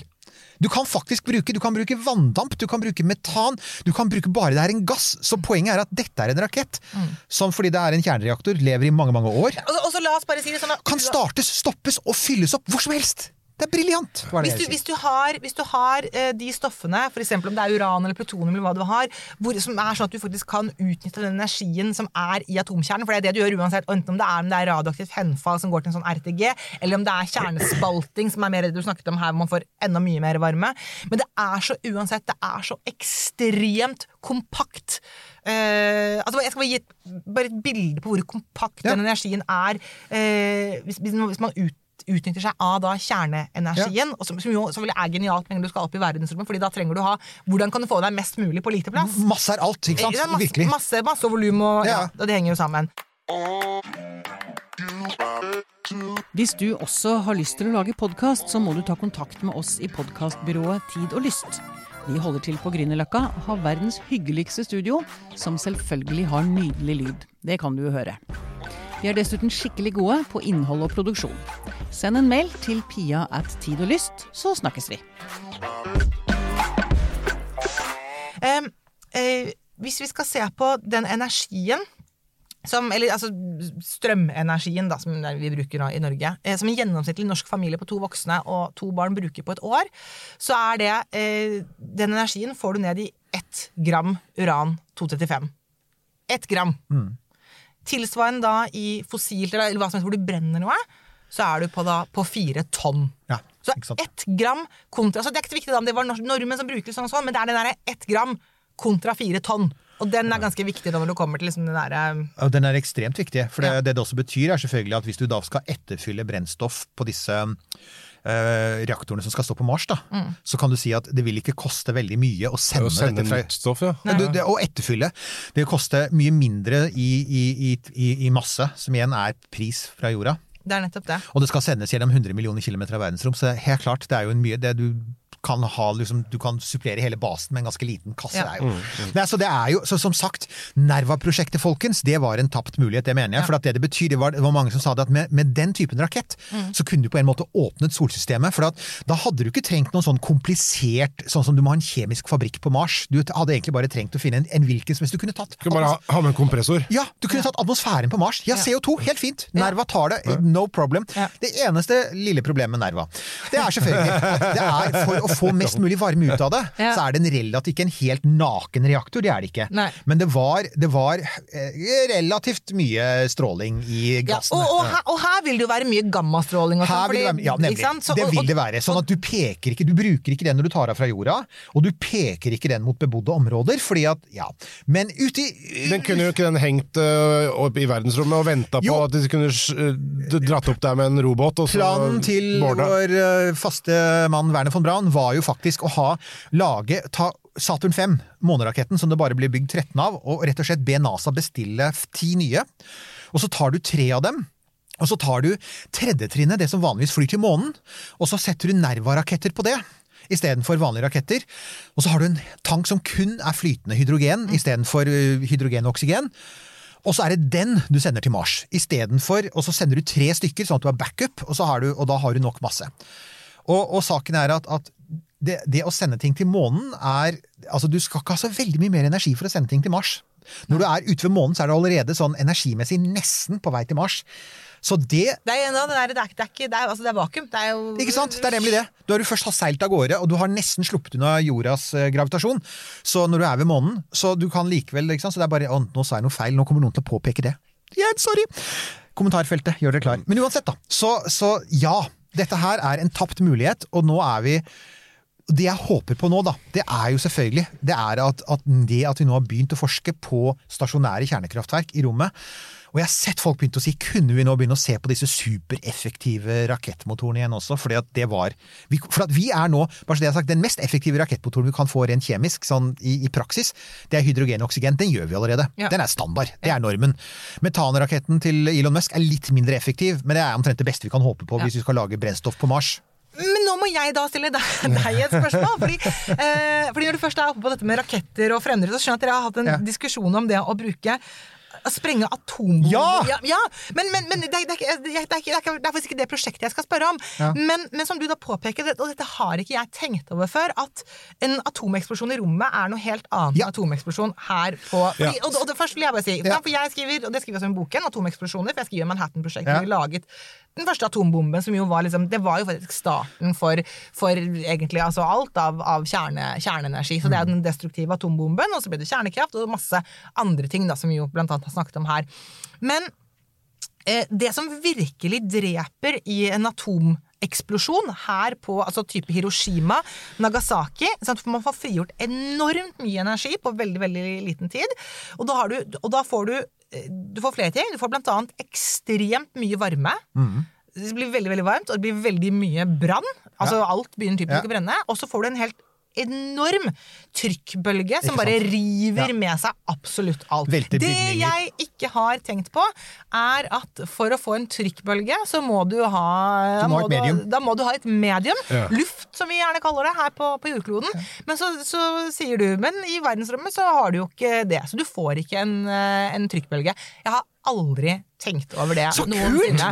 Eh, si, ja, Min mann er også fysiker, ikke kjernefysiker, men han er fysiker, han også. Ja. og, så vi nerder jo selvfølgelig mye, vi to også. Jeg har skjønt Atomeksplosjon i verdensrommet? Er Det helt er ikke noe, det er ikke noe trykkbølge. Han bare Og, og, og, og det var en grunn til at Ja. Ja, jeg, jeg vil bare ta Ingrid det, for at eh, Ingrid Margrethe har spurt uh, nettopp Hei, dere snakker mye om atomvåpen i rommet, og at uh, så lenge vi får dem ut av atmosfæren er det trygt, men hvordan vet vi egentlig at det er trygt å sprenge atomvåpen i rommet? Altså, da skal vi si, trygt, Vi har jo nettopp sagt at det er jo et lysglimt, og det er jo et Ja. kraftig stråleglimt, men, ja.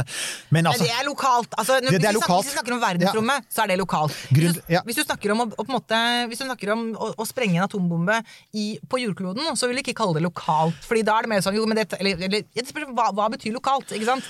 Det, Ja. det er jo Vi hadde jo faktisk en egen sending om atomsprengring i rommet, for at vi hadde en, et lyttespørsmål fra en som sa eh, det ville være en dum idé å sprenge atombomber på månen. Eh, og så kom, nei, altså, og det er rett og slett altså, ja, Hvorfor det?! Ja, det er jo verdens beste! Altså, eller, eller, og, og, altså, for, og det vi oppdaget, da, det var jo faktisk et prosjekt på 50-tallet. Både sovjeterne og amerikanerne hadde ideer om å sprenge atombomber på månen, rett og slett over månen, for mer eller mindre å vise hvor tøffe de var. Ja. Som en demonstrasjon. Ja, men det, det er stort sett handlet om på 50-tallet. Ja. Det og det er jeg helt enig i. Det er utrolig idiotisk. Så Ja, oppdaget jo, det er ikke noe poeng, så oppdaget jo faktisk at eh, Carl Sagen var med på det prosjektet. Da han var ung doktorgradsstudent, så var han så briljant at han, og og han var såpass skruppelløs at han, han med glede hoppet inn i et prosjekt som handlet om å sende atombomber til månen og detonere dem. Han angret jo på det og ble jo til hvert en anti Mannen som sa 'vi er stjernestøv', som jeg har eh, så, vil jeg, se, jeg er veldig fornøyd med at nå har jeg ødelagt tittelen din. eh, Nei, ja. Der, jeg Men, men, men da så, så ja. jeg bare, for at det, All den tid det da ikke blir som du jo sier, det blir ikke noe trykkbølge. Hvordan, altså Vi har snakka om det før. Ja, jeg- Project Orion. Ja, nemlig. Da er jo, Her er Hvordan saken. funker det da? Jo, her er saken. For, for, altså, det er jo to måter man har tenkt å bruke atombomber på i rommet, inntil Elon Musk sa at du kan komme og sprenge dem over Mars og gjøre polene varme og slippe ut CO2. Men, men, men to måter. Det ene var, som du sier, Prosjekt Orion, så var disse her tidligere atombombeforskere, deriblant en som het Freeman Dyson, veldig kjent fysiker. Han, det, dette ble hans pet project, for han fikk vond smak i munnen av all krigingen. Freeman Dyson han, han begynte å lage støvsugere etterpå. Ja, nemlig. Eh, han, eh, men altså, han er også brite, faktisk, så det er mulig det er en slekt her et sted.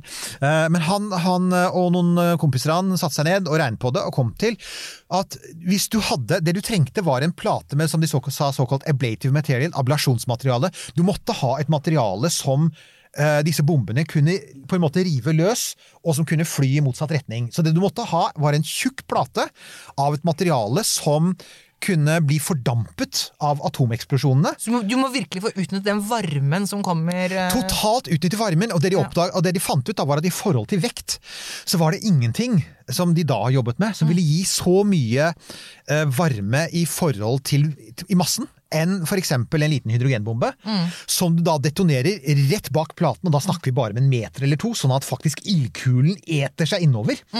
Og fordi det er en da, og, og fordi at og så har du en, platen kan for så vidt være den, den burde kanskje ha vært sånn, kjæ- sånn formet som en rakettdyse, men de startet med å bare gjøre den flat. Eh, og da vil du få en, en trykkeffekt i motsatt retning. Så måtte du ha noen kjempesvære springfjærer. De hadde jo planer om å ha svære, svære stålfjærer som skulle fange opp, for den plata får et kjempetrykk, og så skyver den i motsatt retning. Dette ble testet i praksis med dynamitt, så de bygde jo en sånn range, hvor de, og det fins på YouTube, jeg skal se om vi kan få lagt ut den videoen. Og det de da demonstrerer er, dette er, Jeg elsker den generasjonen med fysikere. De hadde Ja. så ville planer! Ja, de hadde det. Von Neumann og den gjengen der, de var jo så Ja. gærne.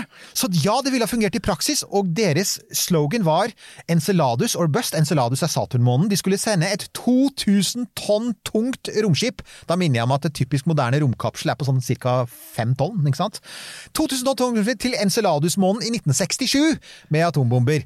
Og regne, dette var noen av verdens beste atomfysikere. Det er ingen tvil om at regnestykket stemte. Ja.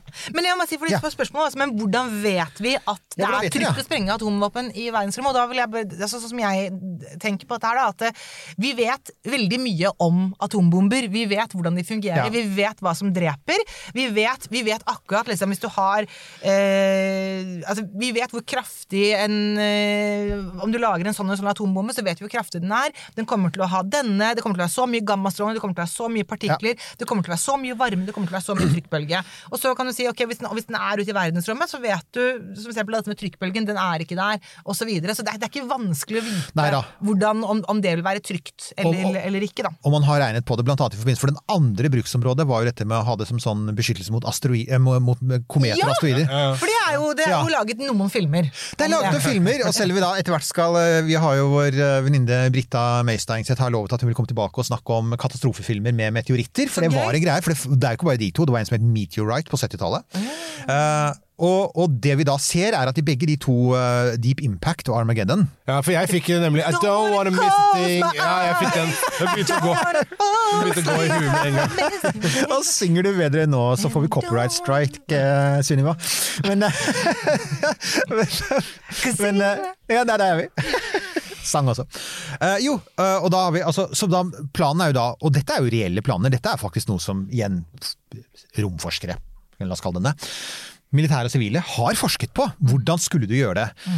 Og De siste åra har jeg sett at man i stadig større grad har gått bort fra tanken på å bruke atomvåpen, og, og, og gå mer over til å perturbere, altså forandre på banene deres når de er lenger unna. Det går f.eks. an å plassere satellitter i bane rundt disse objektene, og bruke satellittenes veldig svake tyngdekraft. Si, er det det du Å, det er kjempegøy! Det er kjempekult, det er tema for en egen sending. Men bare så Bare snurre rundt. Uh, Snurre rundt, ja, og så og så- påvirker jo, da. og så altså. bruker du ionerakettmotorer, altså sånne elektriske rakettmotorer som vi ikke har snakket så mye om her, men som vi også må komme tilbake til en gang, som også kan drives med atomkraft. Hallo? Perfekt med atomkraft. Ja, selvfølgelig. Selvfølgelig. Eh, og, og, og faktisk perturbere på den måten. For hvis, du hvis du ser dem noen måneder unna, så kan selv en bitte liten forandring bety at de bommer med 100 km. Det er nok. Og det er jo også det som er så genialt da igjen med en gang du er på verdensrommet, nettopp fordi at det, det er vakuum. Sånn at du, Ja, sånn så når du setter det er så lite som skal Ja. til, egentlig. Du, skal- det, er, det er ikke mye som altså, Du dytter jo på noe som det er på en måte ja, det, er, det, er, ikke noe luftmotstand, da. Det er nemlig det. Når du setter en sånn liten Setter en stor stein i bevegelse, så fortsetter den bevegelsen helt til noe annet stopper den. Og siden det ikke er noe der ute, så stopper det ikke. Det er Newtons første lov, så vidt jeg husker. Ja, Et legeme i bevegelse og alt det der. Ja. Og så, er det dette da med, med, med altså, tyngdekraft. At det absolutt alt som har en masse, alt som har en vekt, da, som vi kaller det sånn Ja. i dagligspråket, vil jo også da ha en tyngdekraft og trekke tilsvarende på et Men, Men, men Sunniva, kan du skjønne hvorfor ikke alle andre syns at fysikk er det beste faget? Nei, det kan jeg ikke! Ja, fysikk er det beste faget, folkens! men, men, jeg Men det er så vanskelig! Nei! Det, synes det er men det, veldig- det er så utrolig mye kult! Og Men alle er- andre vitenskaper kommer fra fysikk. Men det er veldig- det er si. Helt Nå sa jeg det! Biologer, rant, men det er fysikk men i jeg, bånn. må, jeg må også bare si, siden du var innom katastrofefilmer Har du, eller du, har dere sett filmen The Core? Ja! Å ja, hvor de borer seg ned i Å, om de gjør! ja, ja. Om de gjør! Ja, ja. Den er ikke Nei, den er ikke så god. Ja, ja, den er Men, men, på- men det, det kom, Men der har du et medium, i hvert fall, da, så du kan putte atombomben i. Men Ja, det, det har du, for, for det var det man kom til, var jo faktisk det med, som, bare for å avrunde det, med det med, med disse asteroidene og sånn, er at det man fant var at jo, du kan detonere en atombombe på overflaten til en asteroide. Og det du vil ha, er den samme effekten som i prosjekt Orion. Du vil ikke sprenge den i biter, for da får du bare flere store stykker. Du vil, du vil lage en lokal raketteffekt. Altså du vil, du, vil, du vil fordampe materialet på samme måte som kometer faktisk forandrer posisjon når det begynner å dampe ut gass når sola lyser opp dem, og så damper du ut gass, og så kan de faktisk få en raketteffekt på overflaten. Den vil du skape kunstig. Men for å gjøre det, så må du altså du må ha atomvåpenet relativt nær, og da snakker vi om type kanskje 100 meter, 50 meter. Så må vi tenke på at asteroiden kommer mot jorda i 30 km i sekundet. Raketten flyr mot den i, i, i 15 km i sekundet. Det er 45 km i sekundet. Det er altså da 45 km i sekundet, folkens, og du skal treffe med 100 meter.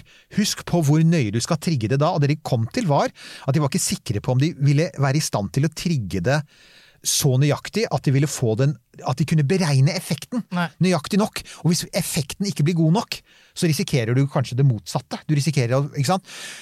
Pluss en annen ting, disse, disse klumpene roterer. Som andre ord, du skal, du skal ikke bare treffe på riktig sted, du skal treffe på nøyaktig riktig tidspunkt i rotasjonsbanen. Og det er mange hundre, det er millioner av kilometer unna. Det Bare kom- dette, dette holde på med baner Ja. er Man er vant til å se liksom eh, det flate. Her, her er solsystemet. De går i ba baner i space er vanskelig.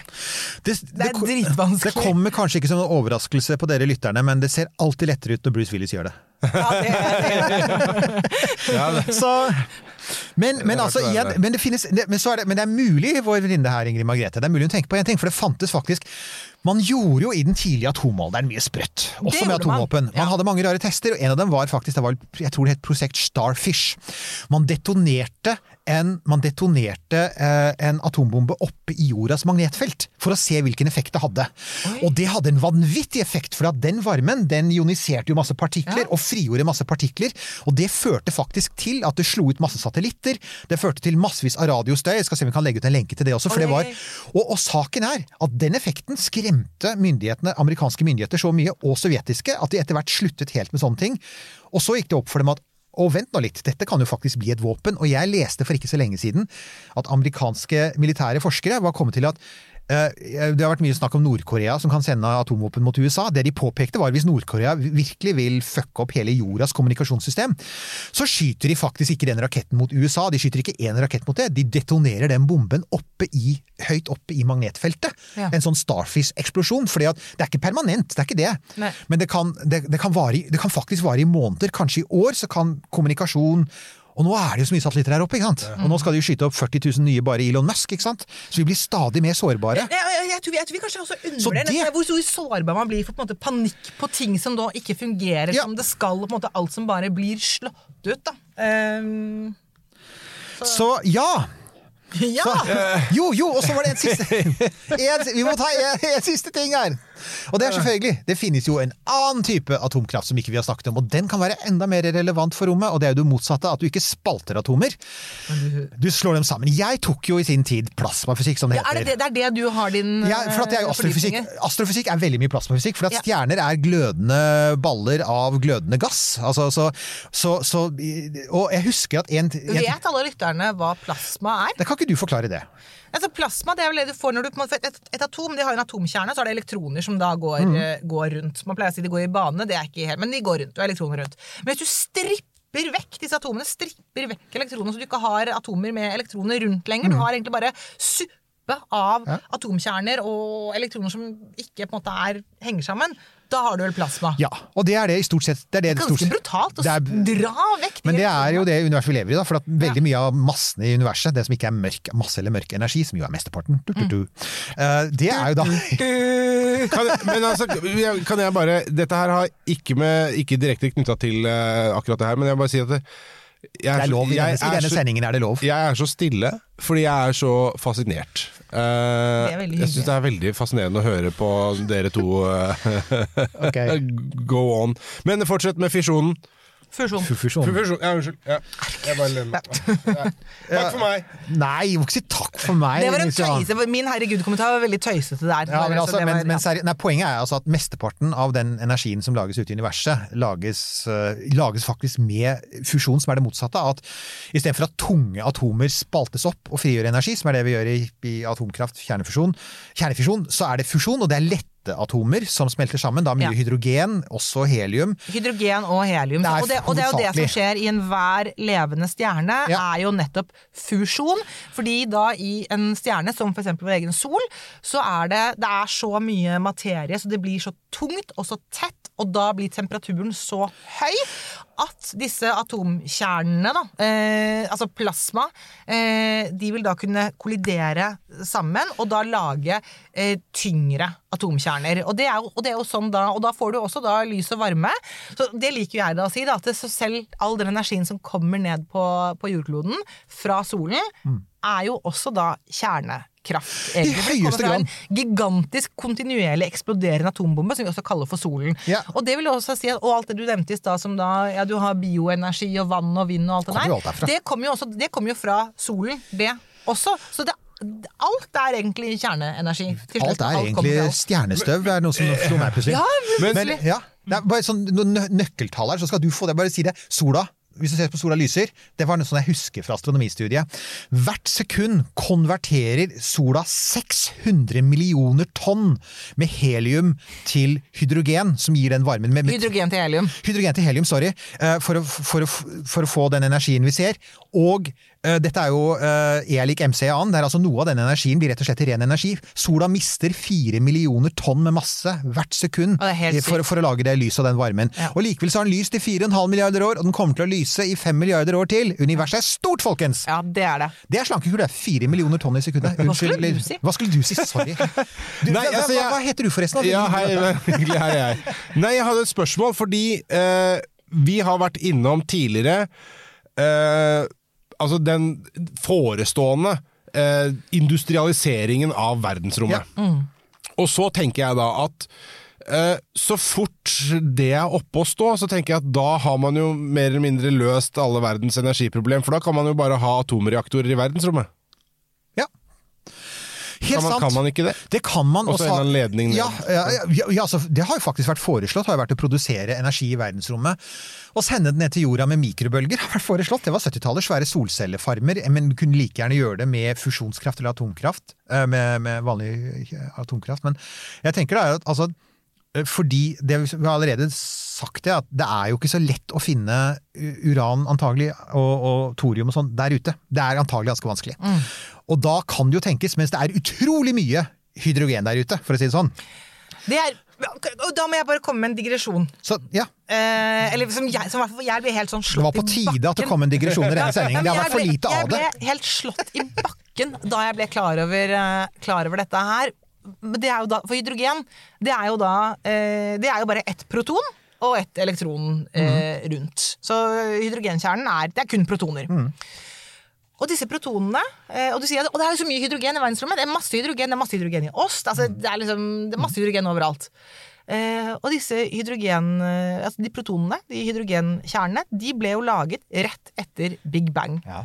Det vil si at da hydrogenet i kroppen din Det er ikke blitt laget på nytt. Det ble laget rett etter Big Bang. Så du består av materiale som er hva er det? 14 milliarder Ja, 14. eh, 14 milliarder år gammel. Altså, da det slo meg at det, det, altså de, de protonene, de hydrogenkjernene, de ble laget nå sier jeg det igjen, rett etter Big Bang. De, Ja, det er- og, og det er det som er i kroppene våre i dag. Det er lov å føle seg gammel! Nei, det er ikke men, Men tenk at det er, det er Jo, det lov, å føle seg gammel. er, vi, vi, vi, er litt, eh, vi som er litt eh, Vi som har spist en stund, vi vil si det. Men ja. Ja. Men ellers er det, det er helt Men igjen Ja, men i hvert fall da, da jeg, da Det er jeg bare- skjønte det, så det var det helt sånn Jeg er helt, helt enig, Ja. Sunniva. Det er det jeg sier igjen. Kuleste vitenskapen ever. Ja. Du, en, og vi kommer til å få spørsmål om, for jeg har allerede fått spørsmål om det, og det er selvfølgelig Og ingen av oss er eksperter på det, men det er jo ikke bare hydrogen, det er faktisk en variant av helium. Helium-3 isotop, ikke sant? Mm. Ja. For også lette stoffer kan ha isotoper. Ja, Helium-3 alle har det. Alle har det. alle har det. det Kan jeg bare få si en ting? Jeg trodde en- at helium-3 var tøys. Det var i den filmen Hva heter det der eh, On the Moon med nazister på månen? Å ja, ja, ja! ja. Eh, Det er ikke tøys. Jeg trodde nå, det bare var tøys. nå noterer hun her. Det her. Ok, hva kommer ut av den noteringen? Ja, så, så det, det er ikke tøys på noen som helst måte. Uh, så de, de to letteste grunnstoffene, det er først hydrogen, og så kommer helium. Uh, og vanlig, den vanlige formen for hydrogen, som det er, det er mest av, det er da, som jeg da sa, det er ett proton. Kjernen er bare ett proton, så er det ett elektron rundt. Men så har du da, som du sa, tungtvann. Tungtvann er laget med tungt hydrogen, og det kaller vi da, det er spesialnavnet kalles for deuterium, men det er da eh, hydrogen 2, egentlig. Da vil si at da er det ett proton og ett nøytron. Men så til helium. Helium det er grunnstoff nummer to. Det har to protoner. Så har du en atomkjerne som har to protoner, da er det helium med en eneste gang. Men hvis du da har helium-3, da vil si at da har du to protoner og ett nøytron. Tre partikler til sammen. Mens vanlig helium har to protoner og to nøytroner. Så helium-3, det er da to protoner og ett nøytron. Og saken er at uh, man mener at det er visse former altså For fusjon er veldig vanskelig å få til. Jeg, Ja, det å altså, få atomkjernene nærme nok. det er så som vanskelig, for at de prøver jo å frastøtte hverandre, og du trenger veldig høy temperatur. Det er som å ta ekstremt sterke, de sterkeste magnetene Ja. og få dem sammen. Det går ikke sant? liksom Og fordi det er så varmt, så kan du ikke bare ha det i en beholder. Så det er liksom, altså du kan jo bygge, du kan jo bygge sånn rundt et vanlig kjernekraftverk, så kan du liksom bygge beholdere av vanlige stoffer og Ja. metaller og sånn, og det vil tåle temperaturen, men her skal vi opp i sånn fort 100 millioner grader. Og, og, og da jeg Det er studerte veldig dette vanskelig å håndtere. da, dette, da jeg studerte dette, så husker jeg at min lærer i plasmafysikk han sa ja, helt siden 50-tallet har vi sagt om fusjonskraft at det er alltid 50 år til fusjonskraft. Og hvis du sjekker det, det største prosjektet som heter ITER, som er et sånn internasjonalt diger eh, Det er et prosjekt nå. Det er prosjekt nå, diger smultringformet kraftverk. Så ser jeg at også de sier kommersiell drift, 50 år. Ja takk, der er vi. Men saken er, helium-3, ja, det er, det er mange som mener at pga. de spesielle forholdene på månen, månen har ingen atmosfære og solen har bombardert det med Altså, det er heliumpartikler fra sola som liksom har, har boret seg ned i månens overflate gjennom milliarder år. Så mener, mener man at det kan finnes mye helium-3, ikke mye da, bitte lite, men mye i forhold til jorda. Og det har fått enkelte til å tro at månen kan bli, som jeg sier, man kan få et gullrush på månen fordi helium-3 egner seg så godt i fusjonskraftverk. Men det jeg, Er det helium-3 og ikke hydrogen-3? ja, det er faktisk helium-3. Okay. Ja, ja. Så det er, eh, det er eh, Ja, jeg sitter og ser på lenken her. Ja, Helium-3. ja. Lunar Gold Fever. Jeg skal legge ut lenken. Så det er en sånn greie som så vi er, vi, Jeg ser at noen av lytterne har allerede vært inne og sagt dere må si noe om helium-3 på månen. Ja! Men da skal jeg lese meg opp på det til neste Ja, gang jeg kommer. her- Kan vi for- snakke mye om, om For det? For si at ja, altså Universet folkens, er fullt av brennstoff. For, Ja, ja, altså, det er det. For det er, er vel sant at tross alt, de, de, de tunge radioaktive metallene er vanskelig å finne på jorda. De er sjeldne. Mm. Mens fusjon, hvis vi får til det så er det, det er ingen grense. En ting er, hel, en ting er helium-3 på månen, men vi har hele planeten Jupiter som stort sett bare er en eneste stor bensintank. Ja. Men, men som, du, så, som du sa, at det er en sånn saying om at fusjonskraft er alltid 50 år frem i tid, og den har jo jeg også sagt. Ikke sant? eh, Ja, ja. Fordi der, vi er ikke der ennå. Men, eh, men så er jeg allikevel eh, jeg er optimist. Jeg tror at ja. eh, vi, vi kommer til å få det til. På et eller annet tidspunkt så får vi det til. Og det har visst fordi, Og, og, og det, er, har spesielt med dette plasma å gjøre. Det å kunne håndtere eh, plasma. Det er, det er ikke så lett, for det er veldig varmt, og det er liksom Det er, det er mye turbulens, og det er det, Det er som et såpestykke i badekaret, husker jeg det var en som sa. Bare på, på, på er- steroider. Det er liksom, uansett når du prøver å holde Ja. det, så skvetter alt unna. det er fryktelig fryktelig vanskelig å håndtere plasma. Og det er, liksom, det er vel en av de store liksom, det, det, er, er der det står nå. Fordi man, måte, hvordan skal man håndtere det så man får det presset sammen og får til da, at ting begynner å fusjonere. Men, eh, men en tidligere kollega av meg hun mente det at ja, men det, det har skjedd en del spennende ting på, på forskning på plasma og dette med turbulens og sånn ganske nylig, så vi kan jo krysse fingrene Yes. for at det nå at det kanskje begynner å skje noe. At det nå men, eh, faktisk er 50 år til. Nå, Nå, nå, er det 50 nå år! er det 50 år! Ja. Det jeg tenker da er, for at vi, det, nå, Jeg ser plutselig nå at nå har vi kommet til et punkt som er så stort at vi kunne snakke tre timer til, så det tar vi neste gang du kommer på besøk. Gang. Og det er det som du også skriver om i boka di, og det er det som handler om stråling, og, Ja. og stråling og, og hva det gjør med kroppen. Du snakket litt om protoner, behandling, medisin, stråleskader, og det er rett og slett snakker også om Tsjernobyl og de som faktisk er det, verden som det, døde av vet du hva, det. dette skal vi snakke om, og det er rett og slett fordi at den andre liksom, dette er liksom, Nå har vi snakket om hvordan vi produserer energi og kommer oss Ja. rundt. Den andre store dealen, og det har jo blant annet for venninne Hvordan passer vi på kroppen vår? hvordan passer vi på kroppen vår? Eh, For eksempel vår venninne Marianne, som vi skal ha tilbake i studio, hun som jobber i Romsenteret og nå for ESA, hun sier jo det at der vi er nå, så er det sånn at med de strålingsnivåene som er i verdensrommet, så, så, så vil en ESA-astronaut ikke kunne reise frem og tilbake til Mars, fordi dosen under en ferd frem og tilbake blir for høy i forhold til den livstiden de skal jobbe. Ja. Dette skal ikke vi ta nå, for det kan du si utrolig mye om. Så du må komme Ja, tilbake, Sunniva! Ja, det vil jeg veldig det er gjerne. Fordi det, det vil jeg ikke bare svare kort på, for det vil jeg svare Ja, men vi må, vi må snakke ordentlig om det, og det er også fordi at dette handler jo også om vårt liv i universet. det er Hvis vi skal ut til de andre planetene, så må vi regne med å leve i et miljø som er mye mer utsatt for stråling, fordi vi har ikke magnetfeltet, vi har ikke atmosfæren, kanskje. Det er fordi atmosfæren og magnetfeltet rundt jorden altså det er jo som et strålings... Det er jo et Ja. skjold rundt Vi eh, aner ikke hvor godt vi har det. Så jeg skal bare si én ting om, eh, om det, som en litt sånn teaser da, til neste gang, og til boken og mulig. og Det er jo så hver gang altså Vi opplever det også som vi som ikke er ute i verdensrommet, opplever det også hver gang vi er oppe i et fly. Når vi er i et fly, så er vi høyere oppe i atmosfæren, eller vi er, like å si, da er vi nærmere verdensrommet. Og da er vi mer utsatt for denne strålingen som er ute i verdensrommet i et fly. Slik at de som jobber i fly, de er regnet som strålingsarbeidere. Og da kan man ta med seg denne tanken videre og tenke at vi er, vi er nå inne i en periode hvor det flys veldig lite. Så faktisk betyr det at i den gjennomsnittlige stråledosen som folk utsettes for, fuck, den har gått ned. Det har jeg ikke tenkt over, men det er helt, helt korrekt. Dette er sånn vi tenker i denne rare podkasten vår. Du, Sunniva, du kommer tilbake. Ja, det, supert, yeah. jeg vil veldig gjerne komme Ja, det gjør vi, og det, og det snart. Men det skal vi gjøre, for vi må snakke videre om det med stråling i rommet, for det er så viktig. Eh, Nils Johan, vi må bare si noe. Altså igjen, vi legger ut shownotes på bloggen vår, eh, romkapsel.no, hvor vi også legger ut mye annet rart. Eh, Vi har Facebook-side, der legger vi ut, og vi tar imot spørsmål. Vi på, du, du håndterer Insta. Jeg hånd- håndterer Instagrammen, der er vi. Følg oss, eh, Twitter. hyggelig. Twitter, der er, der er uh, Mr. Newt uh, ivrig.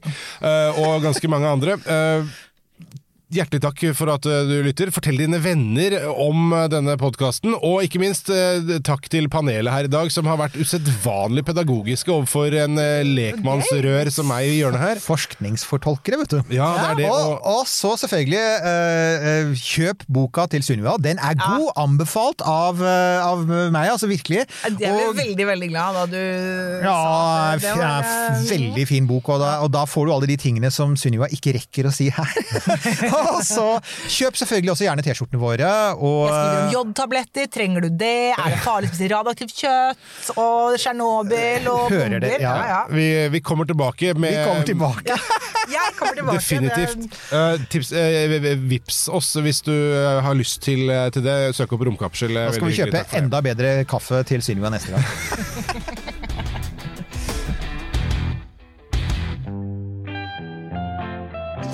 Podkasten er produsert av Tid og Lyst.